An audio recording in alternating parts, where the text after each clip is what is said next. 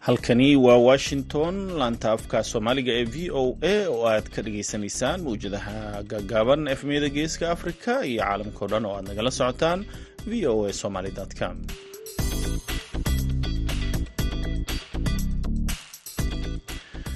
duhur wanaagsan dhegaystayaal waa sabti bisha disembar waa saddex iyo labaatan sanadka laba kun iyo saddex iyo labaatanka. Afrikada bari saacadda waxay tilmaamaysaa kowdii iyo barkii duhurnimo. Idaacaddeenna duhurnimona waxaa idinla socodsiinaya anigoo ah cabdulqaadir samakaab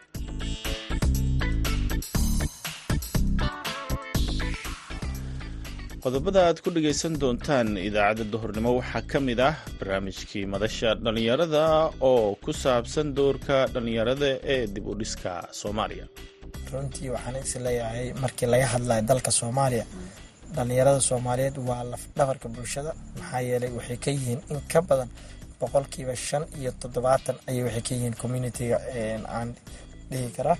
Dhallinyarada saas ah majoritigaas qaba ayaa u baahan in door fiican laga siiyo. Runtii waan aaminsana haddii laga siiyo inay ka soo bixi karaan.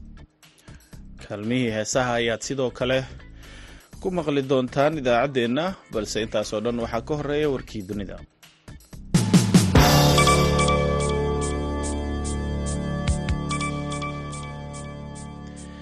kadib maalmo badan oo wadahadallo xoogan ay ka socdeen xarunta qaramada midoobey ee new york ugu dambeyntii waxaa golaha ammaanka uu meel mariyey qaraar ku baaqaya in gargaar bini-aadnimo oo deg deg ah la geeyo marinka ghaza kadib markii maraykanka oo laga baqayay in codka diidmada uu u adeegsado uu ka aamusay maanta waxaa golaha uu ku baaqay ayaa lagu yiri bayaan xalay ka soo baxay in la qaado tallaabooyin deg deg ah oo gargaarka bini-aadinimo loogu geynayo marin ammaan ah iyadoo aan la carqaladeyneyn in la abuuro jawi lagu gaarayo.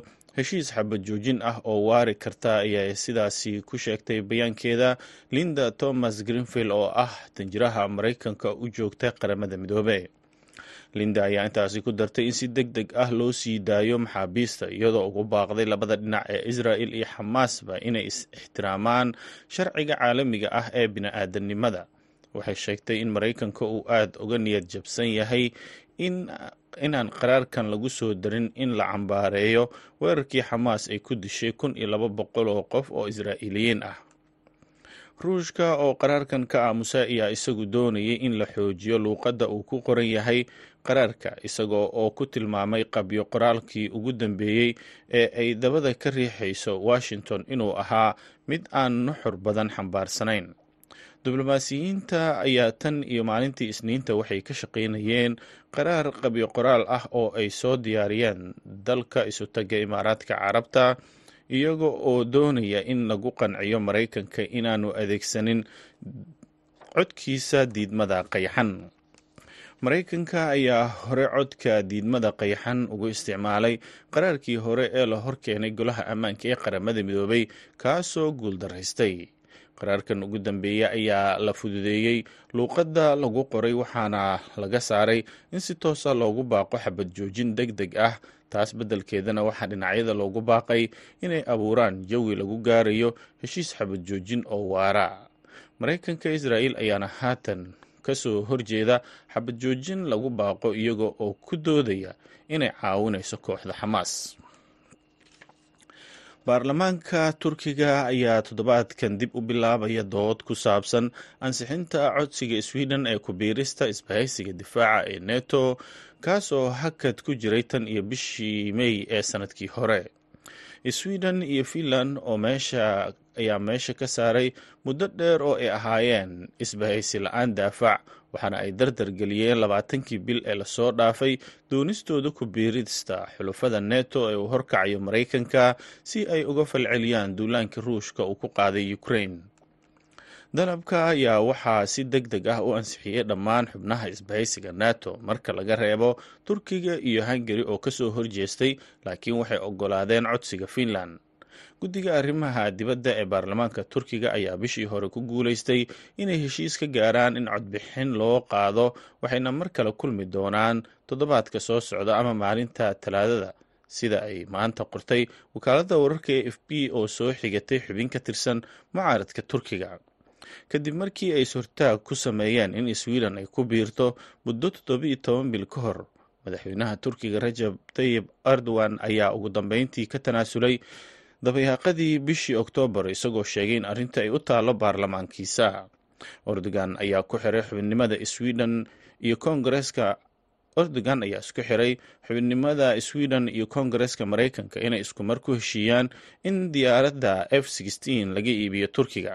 Dowladda maraykanka ayaana ka soo horjeedin iibka balse sharci dejiyaasha ayaa ka hor istaagay turkiga iyaga oo ku saleeyey walaaca ay ka qabaan ku-xadgudubka xuquuqda aadanaha ee turkiga iyo xiisadda kala dhexaysa griiga dhegeystayaal warkeennii dunidana waa naga intaa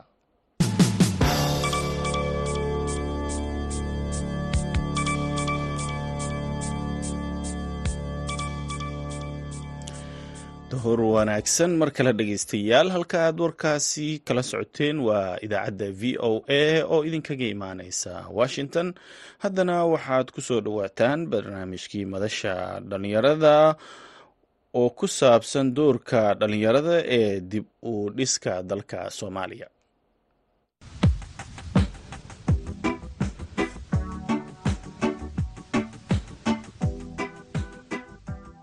kulanti wacan oo wanaagsan dhegaystayaal dhammaantiinba meel waliba ood naga dhegaysanaysaan. Kusoo dhawaada waa mar kale iyo barnaamijkeenii madasha. Toddobaadkan barnaamijkeena madasha waxaynu kaga hadlaynaa wasaaradda dhallinyarada iyo isboortiga ee dowladda federaalk ee soomaaliya. Waxaana barnaamijka igala qeybgalaya wasiirka wasaaradda dhallinyarada iyo isboortiga ee dowladda federaalk ee soomaaliya mudane maxamed bare maxamuud oo ka mid ahaa madaxdii lagu casumay madashii wadatashiga ee heritage. Waxaana wasiirka wax ka weydiiyey wasaaradda madaxda ka yahay iyo arrimaha dhalinyarada soomaalida. Dhalinyaraduna runtii shaqo fiican xoog badan aan qabanaa ugu muhiimsan tahay hadday ahaaleed markaan hadda wasaaradda imaaneynay guud ahaanba ma jirin waxa la yiraahdo siyaasad qaran oo dhalinyarada soomaaliyeed leedahay qeexan yaa dhalinyaro ah xaggee da-da dhalinyarada ka bilaabata xaggee ku dhamaataa nasiib wanaag waxaynu qornay diyaarinay siyaasadda qaran ee dhalinyarada taasoo ka ansixinay golaha xukuumadda may koo iyo tobankeeda. Aynu ku soo bandhignay shirweynihii qaran ee shan iyo labaiy labaatankii may ee muqdisho ka dhacay. Siyaasaddaasoo ka kooban ilaa toban tiir oo muhiim u ah dhalinyarada soomaaliyeed taasoo ay soo diyaariyeen dhalinyaro soomaaliyeed oo aqoon-yahana dalka gudaha wax ku bartay dibaddiisa taasoo korjoogteen iyo isku dabarid iyo khubaro ay ka aheen gabdho iyo dhalinyaro soomaaliyeed oo ayagana oo arrimaha dhalinyarada khubaro ka ah runtii waxay ahayd siyaasadii ugu horeysay ee dhalinyaro soomaaliyeed ayagu qorteen ilaa iyo heer ay xukuumaddu ay ansixiso oo gaartay halka sanadadii hore aynu qabi jirnay siyaasado ay nooga caawiyaan saaxiibada soomaaliya arrimaha dhalinyarada ka taageera ee international communitieska bal tantii ugu horreysay waxay ahayd si isku tashi ah. Ee dhalinyarada soomaaliyeed ayagu min bilow ilaa dhammaad ilaa xukuumadda annagu wasaaraddu aan ka soo ansixinay ay dhalinyarada contribution fiican ka geysteen. Taa taasa ugu muhiimsaneed sidaasi la mid ah. Waxyaaluhu aan ka qaban waxaa ka mid ah. Waxaan hadda dhowaan dhiseynaa markii ugu horeysa ayadana aan system platform qurux badan u diyaarinay waxa la yiraahdo dhalinyarada golaha dhalinyarada qaranka ama national youth council kaasoo aynu u dhisayno qaab doorasho qof iyo coda oo yacni dhalinyarata xaafadaha waxay inta isu keenno waxay dooranayaan councilka xaafadda counsilada xaafadaho isku taga waxay dooranayaan councilka degmada degmooyinka isku taga waxay dooranayaan councilka regionka regionada isku taga waxay dooran doonaan councilka oo stateka soomaaliya waa federal state stateyada isku tagan waxay dooran doonaan national level. Taasaan u diyaarinay oo ayaduna dhowaan january aan howlgelin doono bilaabi doono. Sidaasi lamida waxaan dhisnay waxa la yiraahdo somalia youth hub xarumihii dhalinyarada soomaaliyeed oo ay habkii innovationski technolojiyada lagu bari lahaa. Ayaduna waxaan u magacaabnay agaasin iyo agaasimo ku-xigeen oo dhalinyaro soomaaliyeed oo aqoon-yahanaa dalka gudihiisa iyo dibaddiisa wax ku soo barteen. Sidaasi lamida waxaan diyaarinay xarumihii tababarada dhalinyarada lagu siinayay ilaa dhowr xaran guud ahaan caasimada iyo gobollada qeybahooda welina kuwaan hadda ku sii haminaynaa inaan sii dhisno qorshaha noo qorsheysan marka xagga dhalinyaradana ayaguna meel fiicanaan ka soo bilaabnay. Waqtigan joognoo koobnaayo sanadii afar bilood. Labada dhinacoo garab waaweyn oo wasaaraddu ay ka kooban tahay xagga sportiska iyo xagga dhalinyaraduba waxaan ka qabanay wax oo aan isdhihi karno wax muuqdo waaye welina waxaan aaminsannaha laakiin waxaa noo dhiman markaan miisaanka saarno cabirno waxaan qabanay aaday u kooban yihiin ama u yaryihiin laakiin insha allah waxaan rajeynaynaa waqtigaan haysano oo kooban. Waxaan rajeynaynaa guulo intaas ka waaweyn inaan marba aan sii durugsano qorshe hooleedka to ayaa waxay noogu jiraan qorshayaal badan. Hadda qeybaan qaban qeybahu dhiman insha allah dhawaanaan qaban doona hadduu ilaa cabdishirka nabadoo laga hadlayay oo iyo iyo iyo dhaqanka. Marka maadaama dhalinyarada soomaaliyeed ay ay ay yihiin kuwa ugu baahida badan arrimahaasoo kale wacyigelin ma ka sameysaan sidii dhalinyarada loo dareensiin lahaa inay yihiin kuwa dalka iyaga u sugay xaqiiqdii markii la dhaho shirka maanta hadda sanadkan ay dooreen oo ah nabadda iyo xasiloonida iyo dib heshiisiinta ee maxaa la geeska horn of africa runtii waxaan is leeyahay markii laga hadlayo dalka soomaaliya dhalinyarada soomaaliyeed waa laf dhabarka bulshada. Maxaa yeelay waxay ka yihiin in ka badan boqolkiiba shan iyo toddobaatan ayay waxay ka yihiin communitiga aan dhihi karaa. Dhalinyarada saas ah majoritigaas qaba ayaa u baahan in door fiican laga siiyo. Runtii waan aaminsana haddii laga siiyo inay ka soo bixi karaan. Markaan ku siiyo maanta haddadaan ilaahay ma qadarine waxaan lahayn xalqad ama season oo aan uga hadlaynay youth peace maxaa la conflict societieska in horn of africa. Doorka dhalinyarada ay ku xasiloonida iyo nabadda. Dhalinyaro soomaaliyeeda waxay sameeyeen researcher iyo waxay sameeyeen cilmi baaris sameeyeen aqoon darasaad waxay meesha ku soo bandhigi rabeen warqadihii paperskii ay soo diyaariyeen. Waxaan rabay inaan seashanka kala qayb galo. Sidaas lamida keynote waxaan u ahaa speaker. Nasiib daro maxay dhacday maysan qadarmin mar alaala markaan u fariisanay qadadii laga soo laabtay ee aan xalqadii u fariisanay diyaargarowga ku jirnay aan islahayn hala bilaabo xalqadii m c qofka uu microfonka qabsaday baa waxaana soo gaaray warka naxdinta lahaa ee geerida wasiir khadiija. Saas ayaa guud ahaan shirkii iyo siishanadiiba uu ku soo baaqday. Marka aan u soo laabano marka waxaa jirto dhalinyarada soomaliyeed aan u laabano haddaan kaaga waramo inay lafdhabarka qeyb u yihiin ayna ka miri dhalin karaan haddii lagu aamino waxaa jirtay magaalada la yiraahdo gaalkacyo soomaaliya ku taalo gobolka mudug waxaa wada dega ama uu laba garab u koobnaa laba state dowlad goboleedka galmudug iyo dowlad goboleedka puntland halkaas xuduuday ku lahaayeen. Waxaa taala soodin dadku labadaas bulsho ee labada state ka kala soo jeedo muddo ragaadisay colaad ku dhow soddon sano. Mararka qaarkiis markii la wareysto dadka deegaanka waxay sheegaan in burburka intaan la gaarin dowladda inayn sii dhicinba inay soo xumaaneysay calaqaadka labada bulshada dariska ah. Rag siyaasiyiin u kala waramayeen kadibna isku dhacyo dhici jireen. Kadibna burburka markuu dhacayna muddo dheer colaado qad cagaaran wax la dhahaa kala xirnaan jiray. Qadka cagaarnaa marka anigu waa tagay dhalinyarada waa ay casuumeen waxaa jiro dhalinyaro marka u istaagay. La yiraahdo dhalinyarada walaalaha mudug isdhexgalka nabadda iyo horumarinta waxaa la dhahaa isdhexgalkii horumarinta walaalaha nabadda galmudug ama mudug ayaa la dhahaa.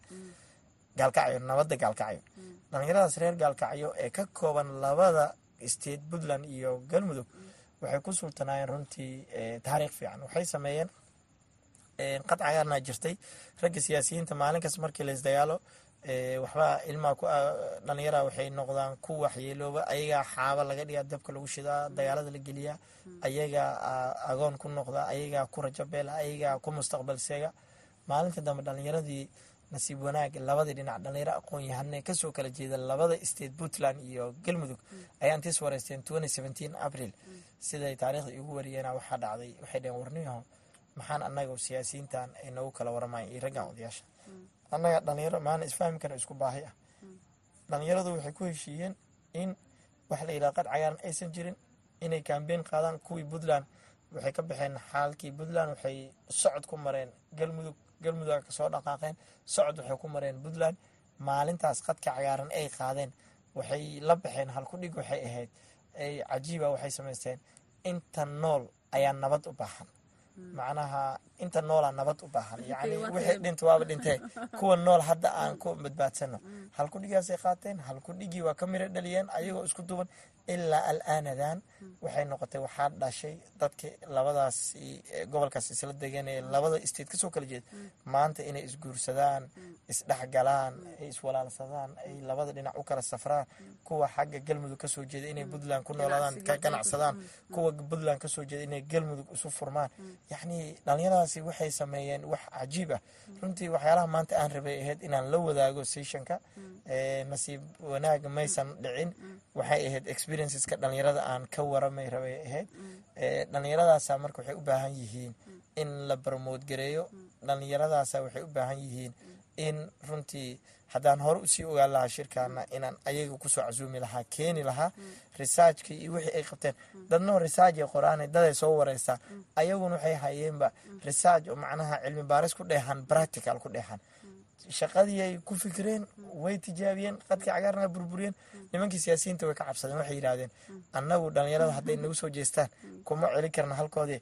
Aanu ka heshin siyaasiyiinta haddu maanta xukunkay haystaan dhalinyaraduna waxay haystaan noloshii isku furnaantii haystaan marka dhalinyaro noocaas oo soomaaliya waxaa jooga farida u baahan runtii soomaaliya colaada iyo maxay tole amni daradii iyo dagaaladii burburkii dhalinyarada ku soo kale wax ku soo bartay. Maanta ayagaa dalka mas'uuliyiinka ah. Anigaan kula hadlaayo qurbaha kama imaanin. Waxaan ahaa dhalinyaradii ku dhalatay burburkii ku soo kortay ku soo waxbaratay ilaa iyo heer aqoonta sare ee meesha ku qaatay keliya heer jaamacadeed u aaday waddamada dariska ah east africa. Deedna ku soo laabtay dalkii u shaqeeyey oo diyaarno hadda inuu shaqeeya sidaas si lamida kuwa aniga lamidoo boqolaal ah oo aniga iga sii aqoon badan iga sii karti badan ayaa dhalinyarada soomaaliyeed ku jiro marka waxay u baahan yihiin keliya jiheen iyo abaabul taas waa midda aan anagu hadda aan ku mashquulsannahay aan xooga saarayno.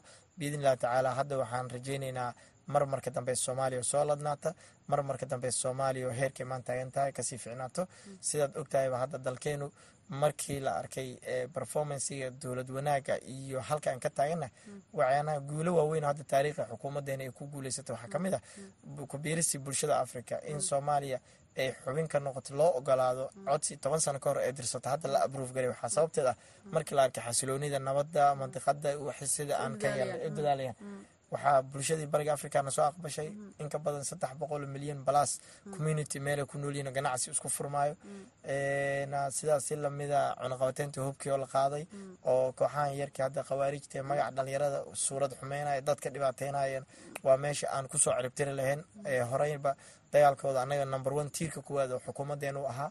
Sidaas si lamida barnaamijkii hanaankii geedigii dheeraaya diin cafinta soomaaliya in laga cafiyo wax ka badan shan bilyan oo muddo soomaaliya gidaar beesha caalamka nagu xirtay nagu go-doomisay ahayd maantuse soomaaliya waxay gashay waddamada debt reliefka ama deynta laga cafiyey ama zero debtka. Ah sidaas si lamida maanta soomaaliya waxay hiigsanaysaa waddamada diyaarka u ah inay qaabisho horumarka iyo maxaa la maalgelinta ganacsiga caalamiga ah. Ayay maanta soomaaliya diyaar u tahay. Shuruucdii u fududeen lahaana waa anagii xukuumad ahaan baasgarayna bilo ka hor hadday ahaan layd sharcigii maalgashiga iyo maalgashayaasha hadday ahaan layd kuwii shuruucdii ganacsiga shuruucdii kale ee la xiriira xagga finansiga iyo dhammaan shuruucdii aan is dhihi karno. Hay'adaha internationalka inay wax maalgashaan soomaaliya kalsooni way ku abuuri kartaa way sii kartaa. Dhammaantoodaba xukuumadda maanta waa ka shaqeyna waxay u tahay diyaar soomaaliya marka waxay u tahay insha allah dhowaan waxaan rajeyneynaa soomaaliya oo barwaaqa soomaaliya waxaan rajeyneynaa waddamada dariska iyo geeska wax la qabsata dhigeedii asaageeda. Halkii beri ay ahaan jirtay libaaxyada africa halkii beri ay ahaan jirtay waddamada hormuudka africa ma intay ku soo laabtay insha allah booskeedan ku laabta rajeynayna. Waana naga go-anta hadduu ilaa yiraahdo maxaa kula talin dhalinyarada hal maadaama waxaasoo fursad haddii imadan loo baahanya dad aqoon le oo qaadi kara mas'uuliyaddaas maxaa kula talin runtii dhalinyarada soomaaliyeed waxaan kula talin lahaa oo taladeeda aan ku biirin lahaa waxay tahay dhalinyaro in dalkan innaga iska leh. Dhalinyaro shalay haddiina la dhihi jiray dhalinyaradu waa mustaqbalka beritole mustaqbalka beri manihin mustaqbalka maantaa nahay anaa taas idiin soo tijaabiyey anaa taas idiin cadeynayo anigan hadda maanta wasiirkiina majaraha idin haayo meesha codadkiina meelaha aynan gaari jirin. Maanta inuu idin gaarsiiyo golayaasha majaraha lagu talada dalka lagu jaangooyana idin fadhiyo miiska iyo kuraasta idin fadhiyo. Aniga kuwa ila mid oo dhalinyaro golaha xukuumadda iyo golaha baarlamaanka nagula jira ayaa maanta waxaa idin leenahay idin dhahay oraahdii dhihi jirtay waa been. Oraahdii la dhihi jiray dhalinyaradu waa mustaqbalka beritol waxaan idin leenahay. Mustaqbalka beri manihine mustaqbalka maantaanahay cadeynteedana anaa idin ah. Iduna waa idinla mid marka waxaa idin leeyahay dhalinyaro dalka noocaasa oo mustaqbalkiisa maanta aan nahay maanta aan mas'uuliyadda u hayno dhammaanteena aan u wada istaagno sida aan dalkaas u wada badbaadsan lahayn. Aan u wada istaagno sida dalkaasi aan u horumarin lahayn u dhaqaajin lahayn meesha maanta uu taagan meesha uu taagan meel kasta saan ku gaarsiin lahayn. Waxaana ku gaarsiin karnaa aqoonta iyo cilmiga iyo fikradaha iyo waayo aragnimada dhalinyarada ka jirta in laba mideeyo meel laysugu wada geeyo maskaxdaasi la shiilo maskaxdaas iyo maankaas isu tagayna. Waxaan aaminsana inay horumari karto. Marka dalkeenu aynu dhisano dalkeenu maanta barwaaqoo hiigsanaa maanta daaqadii iftiinka daaqadii barwaaqada iyo noloshii a u furantay aynu daaqadahaasi sii furano albaabada balaaqno. Wadankeenu aan ka dhigno wadan barwaaqa wadan oo maxay tole waddamada barwaaqa sooranka waddamada geeska africa ama east africa u ah aynu ka dhigno waanana awoodna insha allah waana rajeynayna. Dhalinyarada waxaan leeyahay marka aynu u midowna u istaagno sidaan dalkeena u horumarin lahayn. Idinkuna waa mahadsantihiin inaa intaasoo fursadna siisaan. Dhalinyarada soomaaliyeed hadba v o a weliba waxaan uga mahad celinaa barnaamij waxaa jiro dhalinta maanta la dhaho oo nin oday oo saaxiibka jamaal la yiraahdo beri uu waday. Runtii ayaduna waan uga mahad celinaynaa sababtoo ah barnaamijku waa dhowr xalqadan ka daawada ama aan ka dhageystay waxa waaye barnaamij aada u fiican. Dhalinyaradana gaadgareeya ama hogaamiye jiheeya. Waxaa marka aan mar kale leeyahay anoo bogaadinaya ammaanayo halkaas ka sii wada. Wax badan aan isku soo laabano annaguna waxaan diyaar u nahay inaan qeybteena ka qaadano meeshay wax marayaan. Maadaama idinku annaga fariinteena meeshay gaarayso meel ka dheer kuwa tuulada jooga midka geela raacayo iyo midka miyiga jooga. Raadigiisa yar taleefonkiisa isagoo wata aad fariinta gaarsiin kartaan siiroo fudud. Waxaa idin leenahay annaguna mar walba diyaara idin nahay. Ilbaabadeena waa idin furan yahay xafiisadeena waa idin furan yahay. Inaad kala war qaadano waxaan hayno inaad gaarsiisaanna waa idinkaga mahad celinayna waxaa idin leenahay aadaad mahadsantiin. Guud ahaan waa naga intaa dhegeystayaal barnaamijkeenii madasha toddobaadkan barnaamijkeena madasha waxaa marti iigu ahaa wasiirka wasaaradda dhallinyarada iyo isboortiga ee dowladda federaalk ee soomaaliya maxamed bare maxamuud. Waxaana barnaamijka idiin daadihinaysay anigoo ah sagal siciid faarax. Tan iyo intaynu barnaamij noocan iyo kalaa ku kulmi doono haddii eebaha awoodala laga helay inta ka horeysa waxaan idin leeyahay nabadiino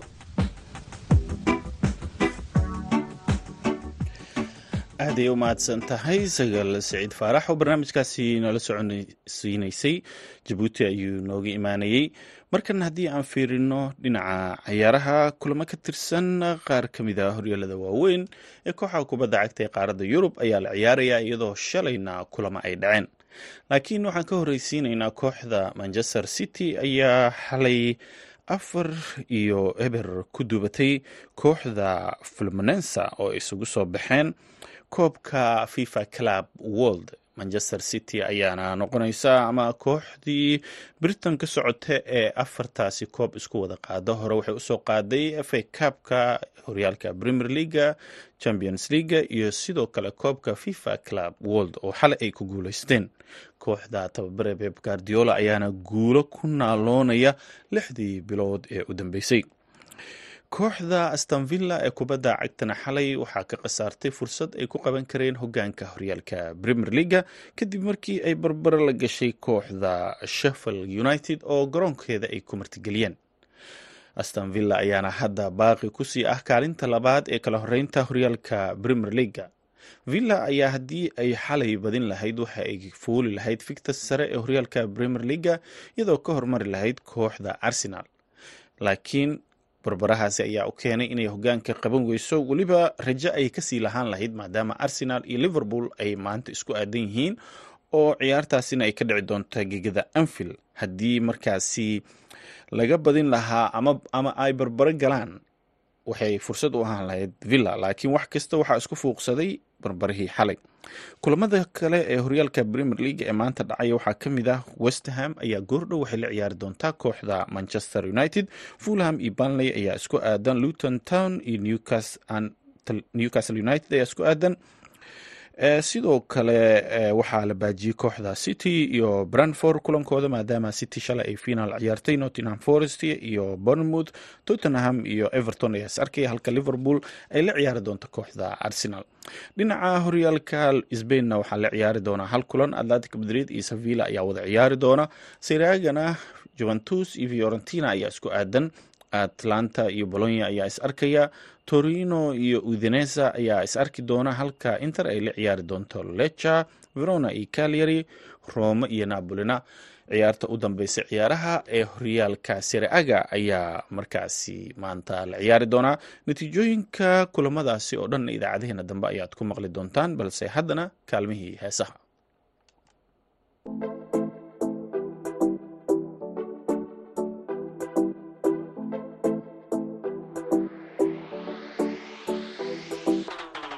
indhaha jecelo wargaaga dumarun keliga ka eegte afka jecelo magacaaga intaasoo ku ammaane muudhala weli aasahagaga agtaada midan dhihigayo manahanagabidkaysiidahda intaan bartay wiilsheena indhaha jecelo wargaaga dumarun keliga ka eegte afka jecelo magacaaga intaasoo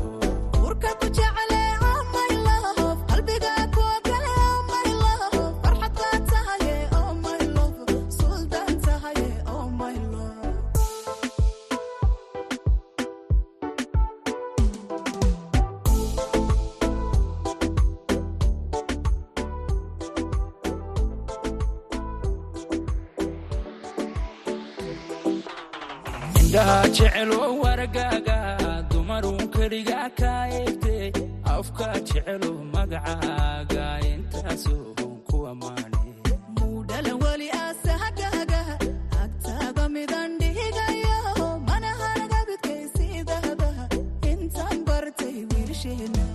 indhaha jecelo wargaaga dumarun keliga ka eegte afka jecelo magacaaga intaasoo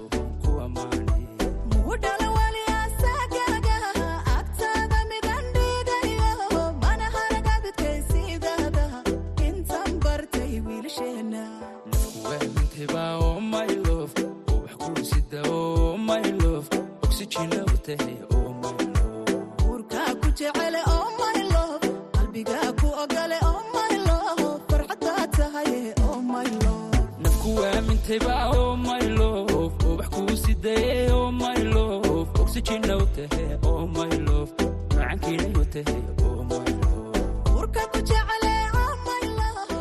codadkaasi kiin jaamac iyo suldaan seeraar guhad ayaa u dambeeyey idaacaddeenii duhurnimo tan iyo idaacaddeenna galabnimo nabadgelyo